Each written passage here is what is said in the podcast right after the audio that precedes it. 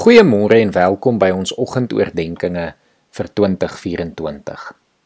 Ek hoop dat die oordeenkings hierdie jaar jou sal help om in 'n verhouding met God te leef en dat jy hierdeur sal groei en sal leer. So aan die begin van 'n nuwe jaar, is dit goed om na jou gewoontes te kyk. Ons as mense is mos maar 'n gewoontedier. Ons verval maklik in sekere ritmes en rotines. Sommige gewoontes is goeie gewoontes, soos om jou tande te borsel of te oefen. En ander is dalk minder goed vir ons. Nietemin is dit ook baie belangrik om te kyk na jou geloofsgewoontes. Is daar geloofspraktyke wat tans in jou lewe 'n gewoonte is? Is daar dalk geloofspraktyke wat 'n gewoonte behoort te word?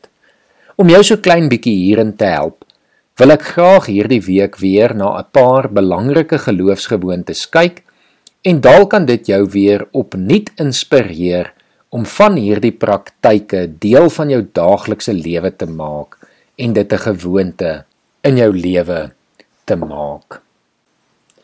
Ek wil graag vanoggend begin met 'n algemene en waarskynlik een van die mees beoefende gelowige praktyke onder Christene gebed. Dit is ook goed dat hierdie een van die mees beoefende praktyke in ons geloof is, want die Bybel sê meer as een keer dat ons baie of gereeld moet bid. 1 Tessalonisense 5 vers 17 sê byvoorbeeld dat ons moet bid sonder ophou. Efesiërs 6 vers 18 sê dat ons alles bidtend moet doen en God by elke geleentheid moet smeek om baie te bid of gedurig te bid of om sonder ophou te bid is dis 'n goeie gewoonte. Maar ons moet ook versigtig wees om nie maar net in rympies te bid nie. Jesus het nadat die disippels hom gevra hoe hulle moet bid, hulle juis hieroor gewaarsku en vir hulle in Matteus 6 gesê om nie te maak soos skynheiliges wat bid waar mense hulle kan sien en dan 'n stortvloed van groot woorde gebruik of 'n rympies om ander te beïndruk nie. Jesus het gesê ons moet na ons binnekamer toe gaan en daar in stilte tot God bid. Natuurlik neem hierdie niks weg van 'n samekoms vir gebed of gebede vir mekaar nie. Maar in ons daaglikse lewens behoort ons stilte tyd en 'n stil gebed intieme tyd saam met die Here 'n gewoonte en 'n prioriteit te maak. Dit kan ons natuurlik dan in die dag inneem om gedurig daar waar ons beweeg en doen en werk steeds te bly bid om steeds in gesprek met God te bly wees in al ons doen en late. Ek wil graag vanoggend afsluit deur vir ons Filippense 4 vers 4 tot 9 voor te lees. Wees altyd bly in die Here. Ek herhaal, wees bly. Wees inskikkelik teenoor alle mense. Die Here is naby.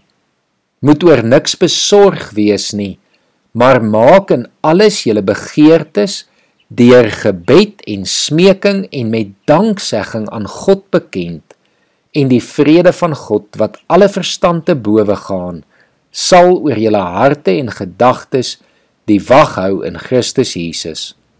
Verder, alles wat waar is, alles wat edel is, alles wat reg is, alles wat rein is, alles wat mooi is, alles wat prysenswaardig is, watter deeg of lofwaardige saak daar ook mag wees, daarop moet julle julle gedagtes rig. En wat julle van my geleer en ontvang en gehoor en gesien het, dit moet julle doen en God wat vrede gee sal by julle wees. Net die herhaling van vers 6 moet oor niks besorg wees nie, maar maak in alles julle begeertes deur gebed en smeking en met danksegging aan God bekend. Kom ons bid saam. Here Jesus, dankie dat ons gedurig kan bid. Ons begeertes en met smeking dit wat in ons hart is vir U te kan sê. Here, dankie dat ons gedurig met U kan en mag praat, Here. Here, ek wil kom vra dat U ons gebede hierdie jaar sal verhoor. Dat U elke gebed wat vanoggend tot U gerig is, weer opnuut, Here, sal antwoord en dat elkeen sal weet U luister. U is ons Vader.